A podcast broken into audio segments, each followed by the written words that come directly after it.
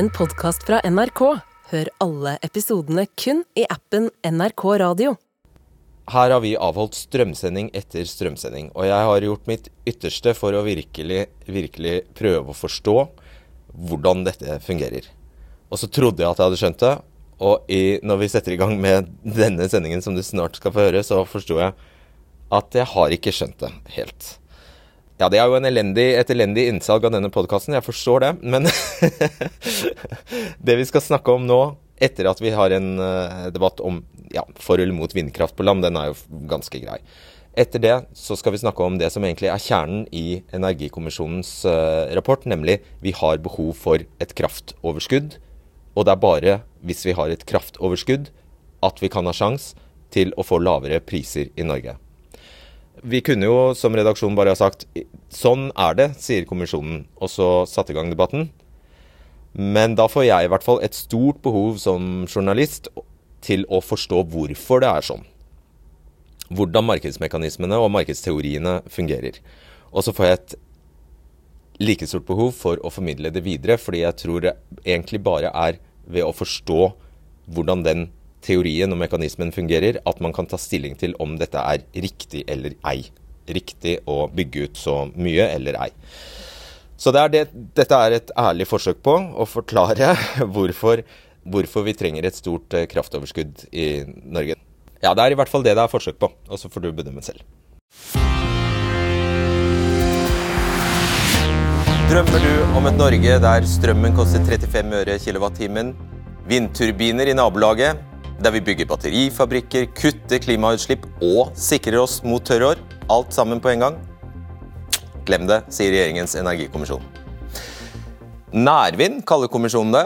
Det er snakk om mindre anlegg, f.eks. langs E6 og større veier i industriområder eller områder som ikke er uberørt natur. Og det må skje raskt. Det må skje innen 2030, sier kommisjonen.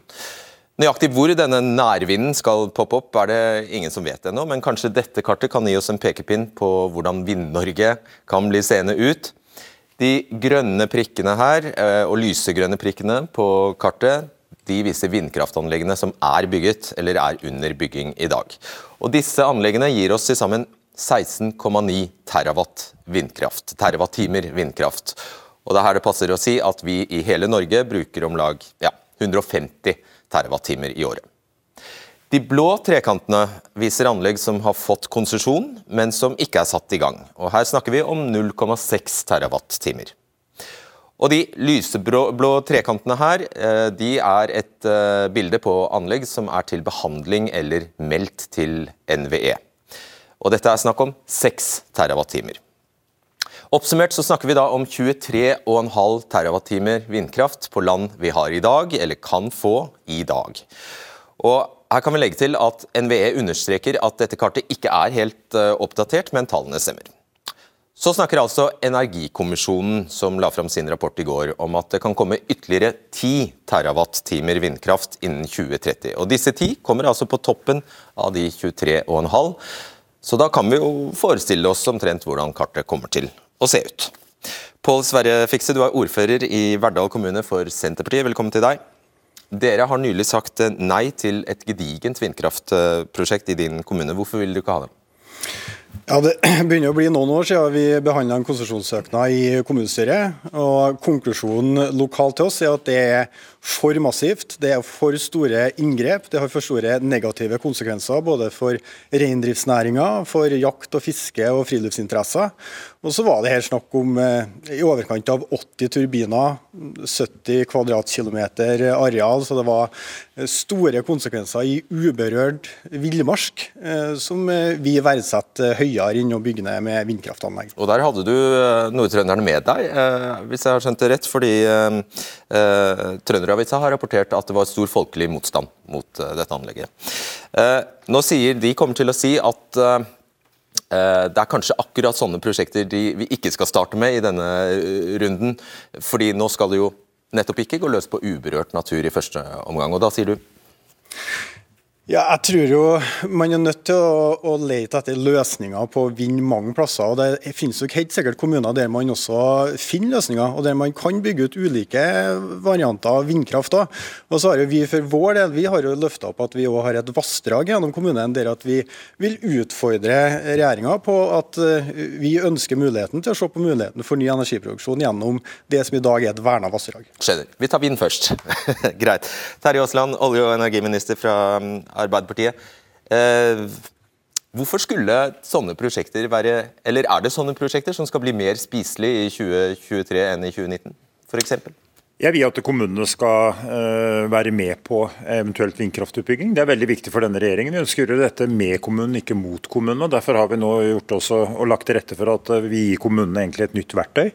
Det betyr at det ordføreren var bekymra for, det var at det var et stort areal som var satt av. Det var kanskje uh, adkomstveier og andre ting som kommunen og kommunens innbyggere var imot.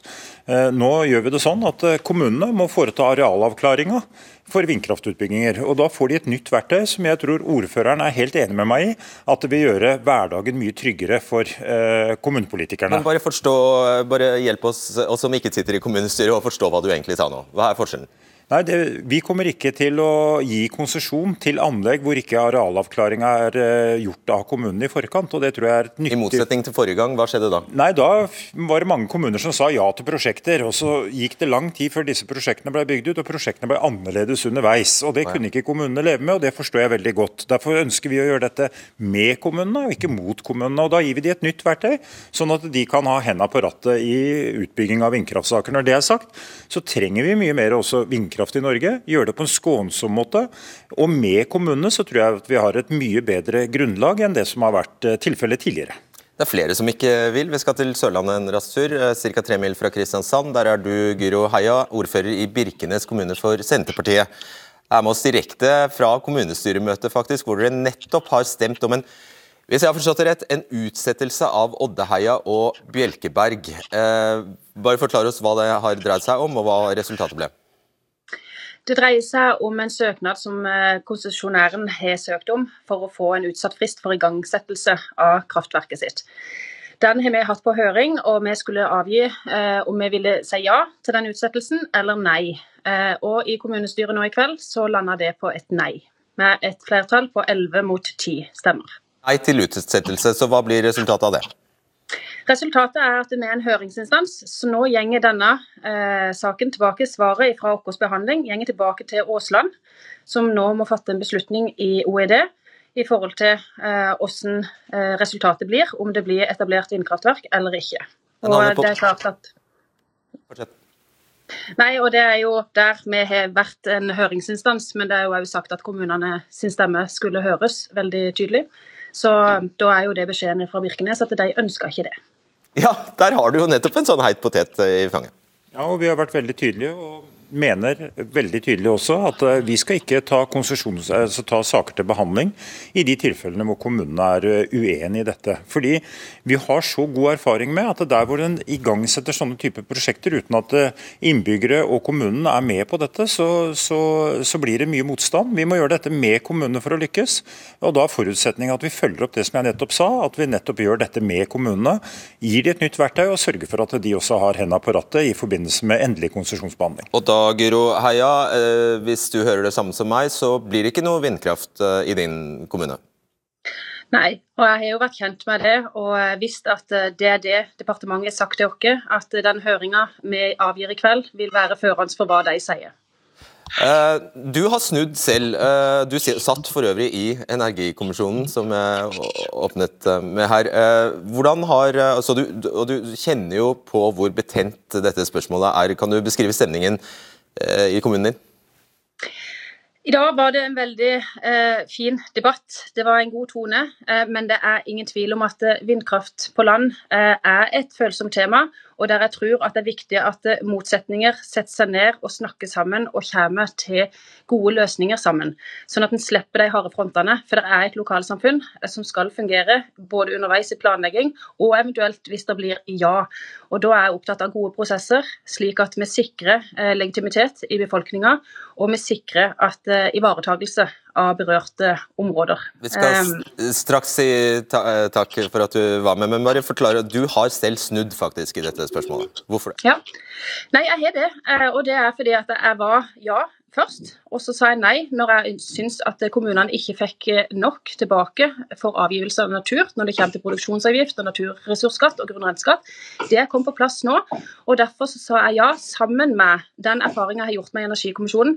Vi trenger mer kraft, og vi trenger mer nett, og vi trenger det fort. Og da synes jeg, ut fra det jeg har kjennskap og kunnskap til, så følte jeg det var riktig å være med på å ta det ansvaret. For det er mange som ikke vil ta det i sin bakhage, men alle andre skal gjøre det. Og da har vi en utfordring hvis ikke eh, noen vil si ja. Tusen takk, Giro Heia. Åslaug Haga, velkommen til deg. Du er leder i det nokså nyoppståtte Fornybar Norge. Det er en interesse- og arbeidsgiverorganisasjon for fornybarnæringen, øh, og, krever en ytterligere forklaring, fordi det er altså en sammenslåing av det gamle Energi Norge øh, med Norvea, som da var vindkraftbransjen. Eh, hvor skal disse vindmøllene havne hen? Ja, Det vil være opp til kommunene å bestemme. Eh, For som statsråden har sagt, eh, med det nye systemet som kommer på plass nå, eh, så vil i praksis kommunene ha vetorett. Så hvis man ikke får forståelse for det lokalt, så blir det ikke utbygging. Og nå må vi huske at det har vært tre års pause på utbygging av vindkraft. Og det tror jeg var bra. Det var bra fordi at myndighetene fikk tenkt seg om hvilke krav de skulle stille, og også utbyggerne har lært. Men det som kommer til å skje nå, når vi nå skal bygge annen generasjon landvindparker, det er som sagt at kommunene får mye større innflytelse. Det skal tas helt andre hensyn til natur. Det ligger i de nye konsesjonskrava. Og det skal, som Gyro Heia er inne på, det skal ligge igjen mer penger eh, hos kommunene. Utrolig det- at man har fått denne innsikten på bare tre år. at man bør ta hensyn til kommunene, er ikke det ganske Jo, det er jo ikke det at man ikke har gjort det før heller, men altså nå får kommunene mye større innflytelse. Bare forklar hva andre generasjons eh, Hva er det for noe? Ja, det er nettopp det jeg sier. altså At kommunene skal ha mer innflytelse. Vi skal ta altså, det mer er ikke hensyn nye til typer natur. vindmøller. Nei, der går det en teknologiutvikling. Men jeg må jo få lov å si da, at eh, når dere har vist et bilde her av det du sannsynligvis omtaler som nærvind, så er jo det ganske misvisende. For det er ingen som skal ha møller midt i et boligfelt. Det kan vi ta med knusende ro. Forklar oss hva Nærvin er, da. Ja, Nærvin er mindre anlegg eh, som, sånn vi ser på det, eh, kan plasseres i f.eks. industriområder. Ja, men De ligger jo ofte nær tettsteder. Ja, men da er det mange hensyn som skal tas før du kan, eh, før du kan bygge opp et eh, nærvindanlegg. Eh, Men poenget er jo at vi kommer til å trenge enormt mye mer kraft uh, framover. Ja, ja, ja. Vi, tar det, vi tar det straks, men jeg tror veldig mange lurer på hvor, når dere det, det snakkes om at det skal bygges det, det man virkelig har lært da, på disse tre årene, er jo at nei, du skal ikke, pla, skal ikke pla, eh, utplassere store, store eh, vindmølleparker der kommunene selv ikke ønsker det. Det har man lært. Og Da kommer dette nye uttrykket nærvind plutselig på, eh, blir lansert, og da lurer alle på hvor skal disse møllene havne nå. Ja, La oss ta et eksempel. Ja. Eh, havner. Eh, I, I tida framover så skal vi også elektrifisere skipsfarten. Og de må faktisk kunne plugge inn et sted. De må få den krafta som de trenger for å drive skipet sitt. Eh, og havner er nettopp et sted hvor du kan tenke deg at du bygger det vi kaller eh, nærvind. Så sperre all sjøutsikt, da. Nei, det er vel faktisk sånn da at de områdene som er allerede regulert til industri, at eh, de har noen ting som ikke nødvendigvis alle er enig i, men neppe at de så mange steder eh, skjemmer utsikten. Eh, Sveinulf eh, Vågene, du er rådgiver i Motvind eh, Norge. Eh, det gir seg kanskje selv at du er mot vindkraft, i og med at du representerer eh, det, men hvorfor er du imot? Vi er mot vindkraft fordi eh, eh, altså vindkraft er jo konfliktskapende. Og eh, Det er en veldig god grunn til at det er konfliktskapende. og Det er pga. det at, de, at vindkraft eh, eh, den truer folks livskvalitet ute i distriktene. Folk har- bygd seg opp et godt liv der. Så kommer vindkraften og truer normaliteten og folks fremtid der. Så er det naturinngrepene. Det vil ta titusenvis av år for naturen å lege naturinngrepene. Eh, det er eh, Når de biologisk skal stå på en kai, da er du Jo, men, men, men, men kjære, det, det, dette er jo ikke snakk om, om, eh, om noen få vindturbiner. Det, det er ikke noe som skal stå på en kai som Åslaug Haga sine kumpaner er på jakt etter. Det er de store fjellene. det er de store fjellene de ønsker oss å ta til vindkraft. Så du tror ikke på dem når de sier at det skal, skal etableres i allerede Jo da, selvfølgelig vil jeg ha noen små propeller på kaier og sånt, men det de er på jakt etter, det vi ser over hele landet, det er de store, urørte fjellområdene. Enorme arealer, oppi 100 kvadratkilometer, som de, som de vil meske seg med. Altså det, for det første må vi gjøre dette på en mest mulig skånsom måte. Vi må gjøre det sammen med kommunene. og Det er også kommuner som ønsker å legge til rette for vindkraft. Jeg har åpna eh, vindkraftanlegg i Trøndelag hvor det har vært eh, folkefest når vindkraftanlegget ble åpna. Ingen motstand mot det. Det var positivt. Det ga arbeidsplasser til lokalsamfunnet. Det ga ny verdiskaping. Stor betydning for, for lokalsamfunnet. og Det er riktig at det er lokalsamfunnene også som er med på å videreutvikle den type prosjekter. Det er ikke sant det du sier at det er bare motstand. Det er motstand, ja. og den må vi håndtere på en ordentlig måte. Og så må vi sørge for at de kommunene som vil og gjør dette på en skånsom måte, får bidra til det. Og så er det et vesentlig poeng, som Åslaug Haga også sier, det å se på allerede berørte områder. Altså havner, industriområder, om det er regulerte vassdrag, eh, vannmagasiner osv. som eventuelt kan, kan, være med på å, legge til rette for vindkraft. Vi må liksom se mulighetene, det er ikke bare begrensningen som enkelt velger å gjøre det hele tida. Vindkraftutbyggingen påfører folk dyp sorg, økosorg. Eh, sorg over tap av kjære eh, landskap og naturområder som de har levd og, og, og brukt i hele livet sitt. Så kommer vindkraften, og så er det ødelagt. Det er borte.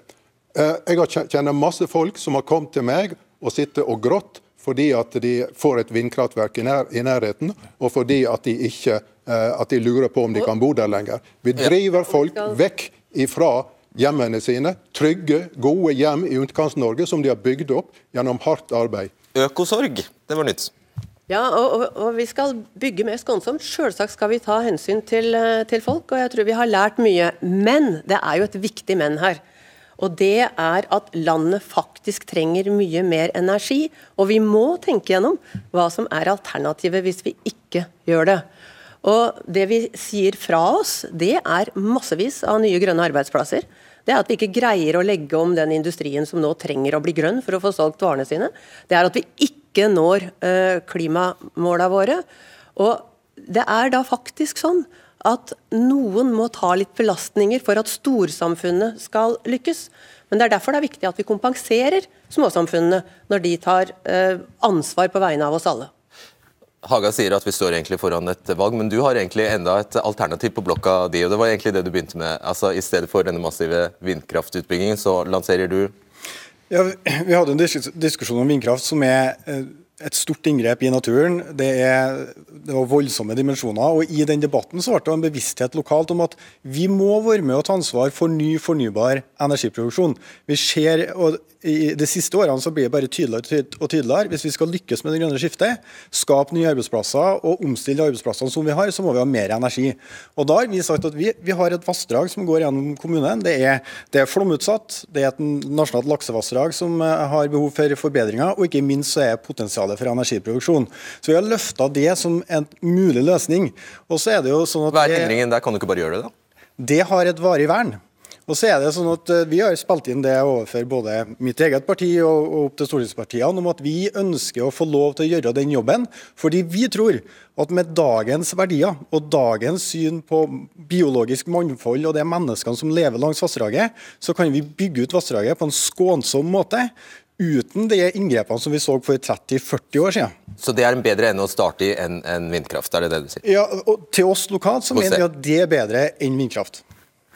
Vi skal absolutt oppgradere og utvide vannkrafta vår, men gå inn i verneplanen og oppheve den, det tror jeg er uklokt. Da vil du også få enormt med folkelig motstand eh, mot det. Det å bevare vassdragsnaturen, det tror jeg er viktig. Men det er som Oslo Haga sier, altså Energikommisjonen var veldig tydelig på at vi trenger mer av alt raskere. Og Da må vi se på alle mulige teknologier, alle mulige løsninger, nettopp for å klare å dekke opp det, eh, det økte eh, forbruket som vi ser i tida framover. Det handler om å legge til rette for ny industri, nye arbeidsplasser. og og nye muligheter rundt omkring i hele Norge. Og Det er det en ønsker. En ønsker å utvikle Norge på den positive måten, og samtidig ta ansvar for klimautfordringene. Nå, nå, er, jo, nå er jo dere ikke ansvar Dere har jo intet ansvar i Motvind Norge, så det er jo lett å være imot. Men du kan jo få Hva er hovedsvaret deres hvis, eh, når kraft, kraftbehovet er der? Vi har et veldig godt svar. For ett og et halvt år siden så laget Motvind en rapport med, med en masse fagfolk Og eh, Vi kom til den konklusjonen det at eh, vi kan få 80 TWh med ren, bærekraftig kraft innen 2050. Innen, innen 2030 kan vi ha over 40 TWh med ren kraft. Og vi har, Det vi har gjort, det er, det er en liten genistrek. Vi har gjort noe som kraftbransjen ikke har klart å gjøre. Vi har lagt sammen bidragene fra de forskjellige faktorene alle sammen. Vi har tatt den krafta som er i overskudd i dag, vi har tatt vannkraft som kan oppgraderes, vi har tatt solkraft, vi har tatt energieffektivisering. Vi, vi, ble, vi ble, ledd av da vi sa at vi skal ha 17 TWh innen 2030. Men i dag kommer Energikommisjonen og sier 20. Ja, Så hovedsvaret er enøk? Enøk ja. er ett av svarene. Et, eh, ja. et av mange. Ja. Okay. Helt enig at eh, en viktig del av svaret er enøk. Og det er knallbra at Energikommisjonen har lagt opp til at vi skal energieffektivisere dobbelt så mye eh, som det vi har lagt opp til eh, tidligere. Men jeg tenker at det spørsmålet som også må besvares, det er OK, man ønsker ikke vindmøller inn i sin backyard. Eh, man ønsker ikke å se dem. Men spørsmålet er jo også hvilken strømpris ønsker man framover? Det skal vi snakke mye mer om. Det skal vi snakke og, mye mer om. Men det er en ja. helt reell problemstilling ja. når man er mot absolutt alt. Men poenget her er at vi trenger alle teknologier, og der er jeg jo enig med Av... det som blir sagt fra Motvind. Avslutt denne runden. Ja, altså Statsråden er jo tydelig på at man ikke skal bort i verneplanen. og For oss er det et paradoks at man ønsker å utrede mer vindkraft som har så store arealbeslag og så store inngrep, men man er ikke villig til å være med og diskutere enkelte vassdrag som i dag er verna, for å se på muligheten for en enkel og effektiv energiutnyttelse som ligger der fra før. Og Det å legge prinsippene til grunn, at man ikke skal vurdere det, syns jeg er vanskelig å forstå når det faktisk er et lokalt initiativ. Kommunestyret har vedtatt at vi ønsker å utrede. Det er lokalt entusiasme for det prosjektet. Du sa nei, så du trenger ikke å legge jo, men det er, bare, altså, det er Stortinget som har vedtatt det. Det er bredt flertall i Stortinget som har laga denne verneplanen. og Det har vært diskutert en rekke ganger om en skal gjøre tiltak der. Eh, og da er Det det siste som Stortinget har sagt, det er at eh, dersom det er fare for flom, og der en skal gjennomføre flomdemping, så kan en vurdere kraftproduksjon. Og Der må vi sette punktum for den. Takk skal dere ja, Det finnes eh, faktisk dem som mener vindturbiner er vakre, og at de symboliserer en grønn framtid. Kanskje er du en av dem. Da syns jeg du skal kaste deg inn i diskusjonen på nrk.no eh, debatten. Energikommisjonen sier det er mulig å oppnå fire ting på én gang her. 1. lavere priser i Norge enn i Europa. To grønn industri. Ny grønn industri. Tre altså klimakutt, eller oppnå klimamålene våre. Og fire forsyningssikkerhet. Men så sier kommisjonen det er kun én måte å oppnå alle disse målene samtidig. Og det er å bygge ut så mye ny kraft at vi bevarer et kraftoverskudd. I dag er kraftoverskuddet i Norge på om lag 20 TWh i året. Norge produserer altså, som jeg sa i sted, rundt 150 TWh, eller vi forbruker om lag 150 TWh i året. Og Nå skal jeg forsøke å forklare hvorfor vi trenger et kraftoverskudd for at vi ikke skal få helt europeiske priser. Hvis vi har et kraftoverskudd, kan vannkraftprodusentene eksportere overskuddet etter at de har dekket det norske behovet. Og Hvis vi har et kraftoverskudd, må produsentene selge en del av strømmen til en lavere pris. De greier ikke å få solgt alt til den høyeste prisen. Først selger de den strømmen, da strømmen til den aller høyeste prisen de kan, i noen timer. Men hvis de så har et overskudd, så må produsentene eksportere, også i timer da de får mindre betalt. fordi ellers renner magasinene over. Og Når kraftprodusentene må selge for at ikke magasinene skal skvulpe over, da synker prisen på strøm til nordmenn. Og Denne figuren her den eh, er fra NVE og viser at eh, denne ja, hva skal vi kalle det, denne loffen her viser Altså Streken i midten her er hvis vi har null i kraftbalanse. Alt til høyre er hvis vi har mer kraft enn vi trenger, altså kraftoverskudd, og alt til venstre er hvis vi har kraftunderskudd. Og det vi ser her er at I en situasjon med kraftoverskudd, som Norge har, så havner vi den norske strømprisen lenger unna britiske og tyske strømpriser, som vi ser øverst her. Eh, jo, jo, jo, lenger, eh, jo større kraftoverskudd vi har. Men vi skal legge merke til to ting. Selv med kraftoverskudd ser vi at det kan oppstå tørrår, eller år da det ikke blåser så mye i Norge. og Da kan vi selv med kraftoverskudd få europeiske priser. Og Vi ser også at når vi er påkoblet Europa, som vi er, så vil ikke den norske strømprisen her i hvert fall, komme under 70 øre. Så, øh, og det er faktisk selv når vi har et så stort kraftoverskudd som 40 TWh. Hvis vi derimot har et kraftunderskudd, så kan produsentene eksportere mindre. Da vil de spare på vannet og kun eksportere når prisene i Europa er aller høyest. Og Da vil Norge havne i den motsatte situasjonen, nemlig at vi importerer mer enn vi eksporterer. Vannkraftprodusentene vil fortsatt prøve å selge vannet dyrest mulig, men de timene vi må importere, er prisen da høyere. Så Derfor blir strømprisen høyere i Norge med et kraftunderskudd. Og Vi kan se hva som skjer da. Her har vi et kraftunderskudd. og Altså, Vi har en dårlig kraftbalanse. Og det vi ser her er at Norge nesten alltid får like høye priser som i Europa, eller Storbritannia og Tyskland i dette eksempelet. Da. Prisene vil ligge på over 100 øre per kilowattime, uansett hvis vi har kraftunderskudd ifølge NVE, og prisene stiger dess høyere, kraftunderskudd vi har. Men vi kan også oppleve å få lavere priser, det kan faktisk skje, enn Europa, selv med kraftunderskudd, hvis vi får en kraftbalanse på null så uh, kan vi få samme pris som Tyskland og Storbritannia spår NV, selv med kraftunderskudd. Jeg håper det var mulig å henge med på dette. Det var ikke noe feil her. Nei, men Jeg ville gjerne lagt til noe. fordi at uh, I mange av de tilfellene hvor vi importerer kraft, så importerer vi også veldig billig kraft, selv om vi også har en anstrengt uh, kraftsituasjon eller en vanskelig situasjon. fordi at uh, Mye av den krafta som f.eks. vindkraft i landene rundt oss, når de har overskuddskapasitet, så blir den strømmen importert til Norge til forholdsvis rimelig penge. Nettopp. Det har vi hørt før, faktisk. Ja, ja men det er et moment, det òg. Det er det. Erik Nevdal, velkommen hit. Du er samfunnsøkonom og forsker. Eh, du har eh, Ja, nei, vi skal starte med deg. Beklager. Vi skal starte med deg, Stein Erik Fleten. Sånn er det. Du er professor ved eh, Institutt for industriell økonomi og teknologiledelse ved NTNU. Er det sant at vi får billigere strøm hvis vi bygger mye ny kraft? Vi har veldig gode utenlandsforbindelser, slik at hvis vi bygger litt ekstra strøm, så vil ikke prisene gå ned noe særlig. Det vil være omtrent på samme nivå. Eh, så, eh, så det er lite eh, en kan gjøre. Det er gode utenlandsforbindelser. Så, så selv om en bygger ut mer, så vil prisen være omtrent på samme nivå som før. Uansett hvor mye vi bygger? Hvis du bygger veldig mye i forhold til etterspørselen, som du viste på forrige graf, så vil jo prisen etter hvert synke. Men da, hvor mye må, da må man bygge veldig, veldig, veldig mye? Da må man bygge veldig mye, eh, eh, ekstremt mye. Eh, og, og, de som da skal bygge de siste prosjektene, da, de vil antageligvis ikke ønske å gjøre det, fordi prisen blir, blir så lav. Oh, ja. ja. La oss dvele litt ved det. Så eh, Vindkraftprodusentene de kommer til å si stopp når prisen for oss forbrukere blir lav. Da gidder ikke de å bygge ut mer, for da er det jo selvfølgelig ikke penger å tjene på det. Hvis det blir innestengt kraft i Norge og veldig lave priser, så lønner det jo seg ikke med, med ny vindkraft. og Da vil de jo ikke bygge. Bare, eh, I tilfeller der du har veldig stort overskudd, og, eh, og med de kablene vi har i dag, så, så, vil nok ikke det skje. Ok, Når Terje Aasland da sier, og vi hørte det på pressekonferansen, at eh, dette, dette, denne planen her om masse ny kraft kommer til å føre til billigere eh, strøm, så har han misforstått? da?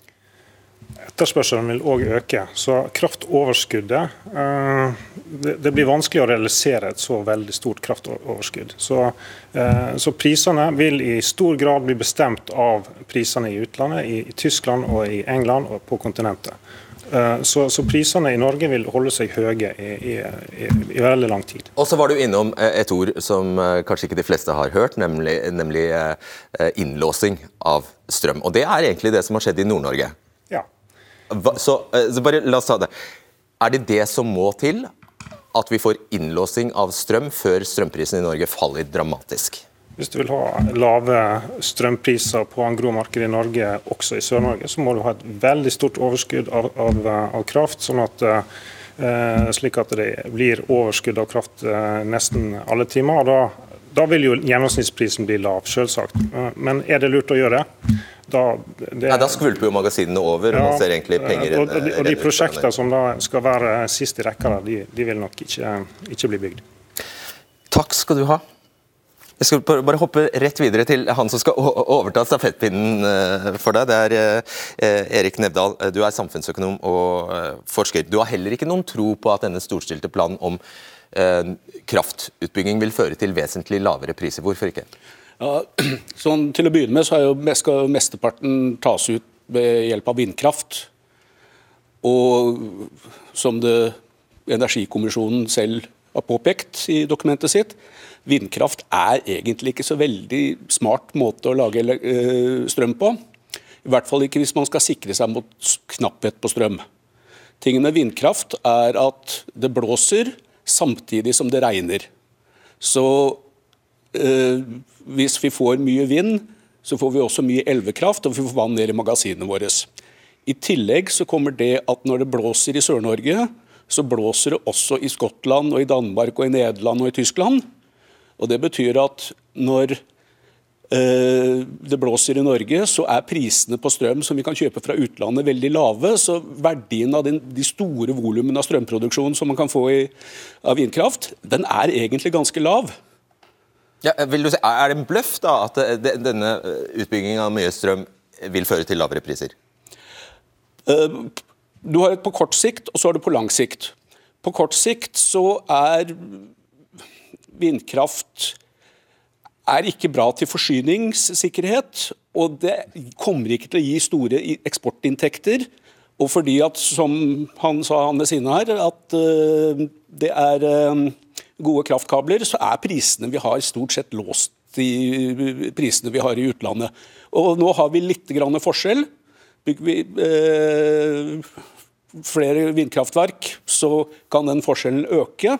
Men den vil ikke øke, produksjonen vil ikke gå opp, og prisene vil ikke gå ned noe særlig når vi faktisk trenger uh, mer strøm. Ah. Haga, hvilken strømpris mener du norske strømkunder bør ha? Den prisen må settes i markedet, men det vi må være opptatt av, det er at vi får en mer stabil pris enn det vi har sett nå. Du sa lavere pris i sted, så da regner jeg med du har tenkt, tenkt på hva det innebærer? Ja, altså vi, vi, ha, vi må, bør ha, ha, priser som er lavere i Norge enn i Europa. Ja, Ett øre eller én eh, krone? Ja, i hvert fall lavere. og det er vi i stand til å få til. Og sånn fungerer jo faktisk markedet i dag. At vi har lavere priser i Norge enn i Europa. Eh, og vi kan ta, vi kan ta Tyskland uh, som eksempel, som jeg faktisk kjenner ganske godt. Altså i, i, snitt i normalår så har vi hatt systematisk lavere priser enn uh, Tyskland. Det skulle bare mangle ved å ha vannkraft? Ja, ikke sant? Og det er jo det som er så fantastisk. Men altså i, i, og i våte år, altså hvor vi har produsert mye kraft, ja, da har prisene ligget betydelig under uh, Tyskland. Og sjøl nå i 2022, når det var veldig tørt eh, i Sør-Norge, så var det fortsatt sånn eh, at prisen hos oss var lavere enn eh, i Tyskland. Så vi vil ha konkurransefort, et konkurransefortrinn i Norge hvis vi velger å produsere så mye fornybar energi at vi har dette kraftoverskuddet, og at vi evner å opprettholde den forskjellen som det er i priser i Norge og i Tyskland. Men da hørte vi altså Fleten si, professoren, at det kraftoverskuddet må være så stort, og det må bygges så uendelig mye ny kraft for at man skal få såkalt innelåst kraft. Hvis du ikke gjør det, bygger så mye, så vil du ikke få noen merkbar konsekvens på, på, på eh, strømprisen i Norge, hevder han. Det er altfor enkel eh, analyse. For det første så er det som du, men du viser sjøl altså til NVE sine beregninger som viser at eh, jo større kraftoverskudd det er, til lavere prisene, uh, blir prisene. Bare liksom kombinasjonen her. Altså, at vindkraft ikke har noen betydning for prissettinga, klart det har det. Det er den rimeligste krafta å bygge ut. Uh, har du mye vindkraft kombinert med vannkrafta, så kan du spare vannkrafta når, når det blåser. Uh, og du får lave priser når det blåser, og så blir prisene noe høyere når, når ikke det blåser. Ja, så, så denne professoren tar feil, da? ja, selvfølgelig er det feil. Fordi at det som faktisk skjer, det er jo at eh, du holder da tilbake bak eh, vannkrafta, sparer vannkrafta, sikrer forsyningssikkerheten. Men den største, den største, for ha, altså største garantien for å ha høye strømpriser, det er at vi reduserer kraftoverskuddet vårt. Det er den største faren. I Sør-Afrika nå så er det sånn strømkollaps. Eh, egentlig. Og Da må de rasjonere. Prisene er ekstremt høye. og Hvis ikke vi klarer å ha overskudd av kraft i Norge, så vil også usikkerheten, situasjoner hvor vi kommer i rasjonering osv., tilta, og prisene vil stige. Okay. Helt naturlig. Ok, um, På litt grann eh, sikt så slår uh, det at vi er medlem, eller undertegnet EUs tredje energimarkedspakke inn. I denne pakken så har vi forpliktet oss til at de flaskehalsinntektene som oppstår mellom Norge og utlandet, de skal brukes til å vedlikeholde, eh, fornye og bygge nye utenlandsforbindelser. Og for meg som riktignok ikke er professor, men jeg driver nå en del med samfunnsøkonomi, så medfører det at eh, det at vi har et prisdifferensial i seg selv, vil ut Eh, vil medføre et press på oss for at vi skal bygge ut flere utenlandsforbindelser. Og prisdifferanser og dette er klart fra dokumentene til ACER at det er prisdifferanser skal være en av de viktigste tingene som skal utløse nye mellomlandsforbindelser. Dette er jo grunnleggende feil. Altså, dette er faktisk feil. Kan jeg få lov til å lese? Det er jo ikke sånn. Og, og, ja, men Da får man forholde seg til realiteten. Realiteten er at disse såkalte flaskehalsinntektene som vi får i Norge nå Hva er det for noe? Ja, ja, det er fordi det er forskjell mellom prisområdene, så får du disse flaskehalsinntektene. Uh, og, og, det man bruker da disse flaskehalsinntektene til i Norge i dag, det er jo at Statnett kutter uh, nettleia på sentralnettet. Og, og, og, det bare beviser jo at det som blir sagt her, er fundamentalt Igjen. Det er ikke sånn at alle de pengene skal brukes til å bygge nye kabler. Du får ta opp den, Sofie Mari. Jeg må bare introdusere deg ja. først. Sofie Mare her fra Rødt. Ja. altså Realitetene er at eh, Fornybar Norge representerer kommersielle interesser som ønsker å bygge ut vindkraft i Norge i stor skala. Og Det som er problemet med noe av denne debatten, syns jeg, det er at Eh, vi diskuterer kraftbehov. Det er viktig. Jeg mener ikke at ustabil vindkraft er den beste løsningen for å eh, gå mot et eh, større kraftoverskudd enn det vi allerede har, fordi det er en ustabil kraftkilde. Men det vi ikke diskuterer, og som Energikommisjonen heller ikke gir noen løsninger på, det er jo pris. Og i alle fall ikke på kort sikt. Eh, vi kan diskutere på lang sikt virkningen av å bygge ut og bygge ned eh, all norsk natur, som, eh, som er de mest ekstreme scenarioene. Eh, men poenget er at denne regjeringen ikke har gjort noen ting eh, for å se på prisen. Vi har en strømpriskrise i Norge i dag, eh, selv om vi har kraftoverskudd. Og Det handler jo om prissmitte, og det handler om at regjeringen ikke er villig til å regulere markedet. Så, de, så det regjeringen burde gjort for lenge siden, det er jo å begynne å utrede eh, måter å regulere markedet på òg, for å få ned prisene på kort sikt. For nå går vi mot industridød, nedbemanning, eh, under eh, permitteringer. Eh, og det kan være for seint med grønn industri i framtiden. Jeg tror ikke Mara er alene om å bli overrasket over at kommisjonen egentlig ikke fikk som mandat av deg til å se på pris. Det er jo pris alle bryr seg om. Ja, nå var det ikke jeg som var eh, statsråd når vi satte det mandatet, men jeg syns og Vi må forholde oss til noen fakta. For det første, ja, men, svar på det. Hvorfor, ikke, hvorfor, har ikke denne kommisjonen sett på pris? Nei, fordi den skulle se på tiltak som gjorde at vi kunne ha tilstrekkelige mengder og et overskudd av krafta vår til enhver tid. Det ja, men Er, er ikke det aller viktigste pris? Akkurat. Jo, det er viktig også for prisstabiliteten. Alle faglige instanser sier at eh, jo større kraftoverskuddet er, jo til mer stabiliserende og lavere priser får vi på det. Bedre er konkurranseforholdet vårt også mot Europa. Men så til noen av påstandene om at ACER eller andre kan pålegge oss å bygge nye utenlandsforbindelser, det er med respekt å melde totalt feil. Det er sånn at eh, Utenlandsforbindelsen er en nasjonal avgjørelse som vi kan fatte helt og holdent alene. Og Sånn skal det være også. Vi har noen veldig klare føringer på det. Vi skal ikke bygge flere utenlandskabler nå. og Helt klart, Vi skal ikke bygge utenlandskabler som utfordrer eller svekker det norske kraftsystemet på noen som helst måte. Tar du det fra løse lufta? Da får du fortelle det til Statnett, for dette er hva Statnett skriver. Dette skriver eh, ACER på sine websider, og det er en del av tredje energipakke. Det er betydelige flaskehalsinntekter som oppstår i tilknytning til kraftflyt mellom landene i Europa, mens utvekslingskapasiteten til dels er begrenset. Dette har fra EUs side ledet til den konklusjon at det stilles krav til at flaskehalsinntekter som oppstår primært skal benyttes til å opprettholde, øke utviklingskapasiteten mellom landene, mens bruk til tariffreduksjon har fått lavere prioritet enn tidligere. Slike krav er stilt gjennom reguleringen i tredje energimarkedspakke og er innlemmet i norsk regelverk. Ja, Essensen der var, var, at du mener de, de skriver at, uh, at, disse inntektene da, skal gå til utbygging av nye kabler. Det var det du leste. leste. Stemmer det? Nei, altså, alle kronene som nå er tatt inn i flaskehalsinntekter, eh, som Statnett har fått, er brukt til å redusere, som Oslo sier. Først, som Statnett bruker de, til å redusere sin nettleie. Vi tok også flaskehalsinntekter og ga til de kraftselskapene som nå gjennom, eh, gjennom, eh, gjennom den siste tida har hatt høye, høye kostnader, til å redusere nettleia for kundene. Det er det faktiske forholdet. Det er, det er Statnett og vi som bestemmer. Okay, altså, hvis uh, Aasland mener det, så kan han jo velge å ikke bygge nye kabler uh, når Skagerrak 1 og 2 uh, eh, går ut av drift. Så det er jo en konkret utfordring til denne regjeringen. Vil man gjøre noe med prissmitten når de kablene går mot sin dødsdato, holdt på å si. men så er det som Aasland heller ikke vil diskutere, hva regjeringen vil gjøre med pris. Eh, fordi eh, nå har man satt ned en, eh, en energikommisjon.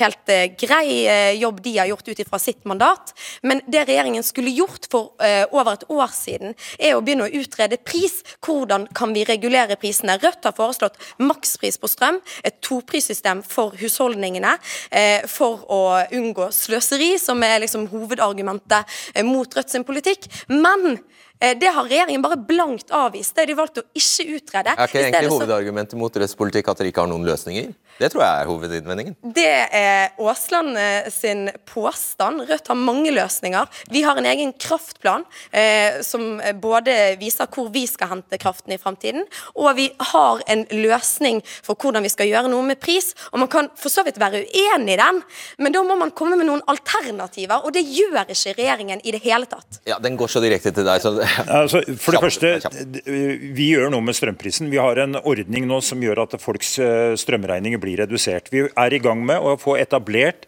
et, eh, et, tror jeg, noe som kommer til å fungere. Dette med fastpriskontrakter for næringslivet. og Det er et nytt marked som blir at det ikke fungerer. Kan jeg få lov til å prate ferdig, kanskje? Så, så, det, så er det viktig å få det til å fungere.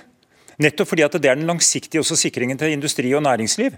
Vi har god erfaring med det, hvordan det har funka for kraftforedlende industri. Det har vært utmerket og gjort at vi har kraftforedlende industri i Norge. Nå lager vi også det samme systemet for ordinært næringsliv. Og så må vi få ned prisene, ja.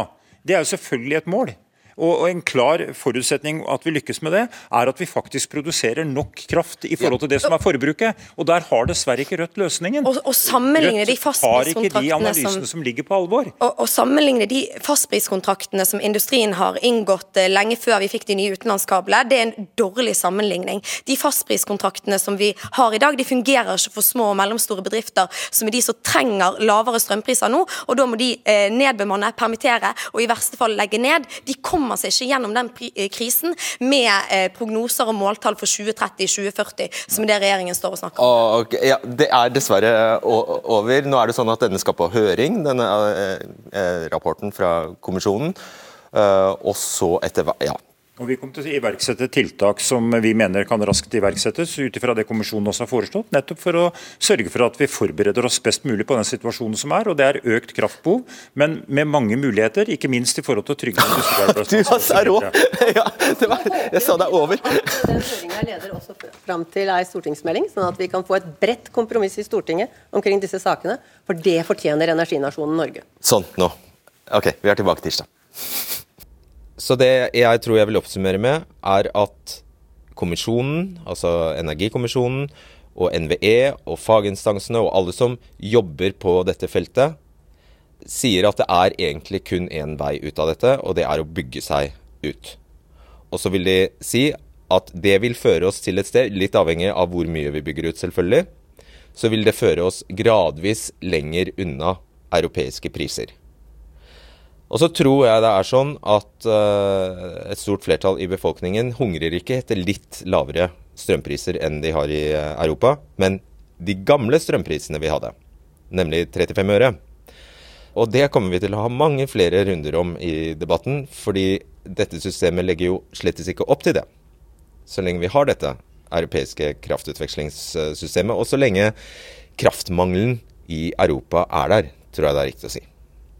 Jeg merker selv at det kanskje ikke var den aller mest stringente oppsummeringen jeg kunne ha gitt, men uh, OK. Jeg tror ikke jeg gidder mer. Takk for at du hører debatten på podkast, og så høres vi. Ha det. Du har hørt en podkast fra NRK. Hør alle episodene kun i appen NRK Radio.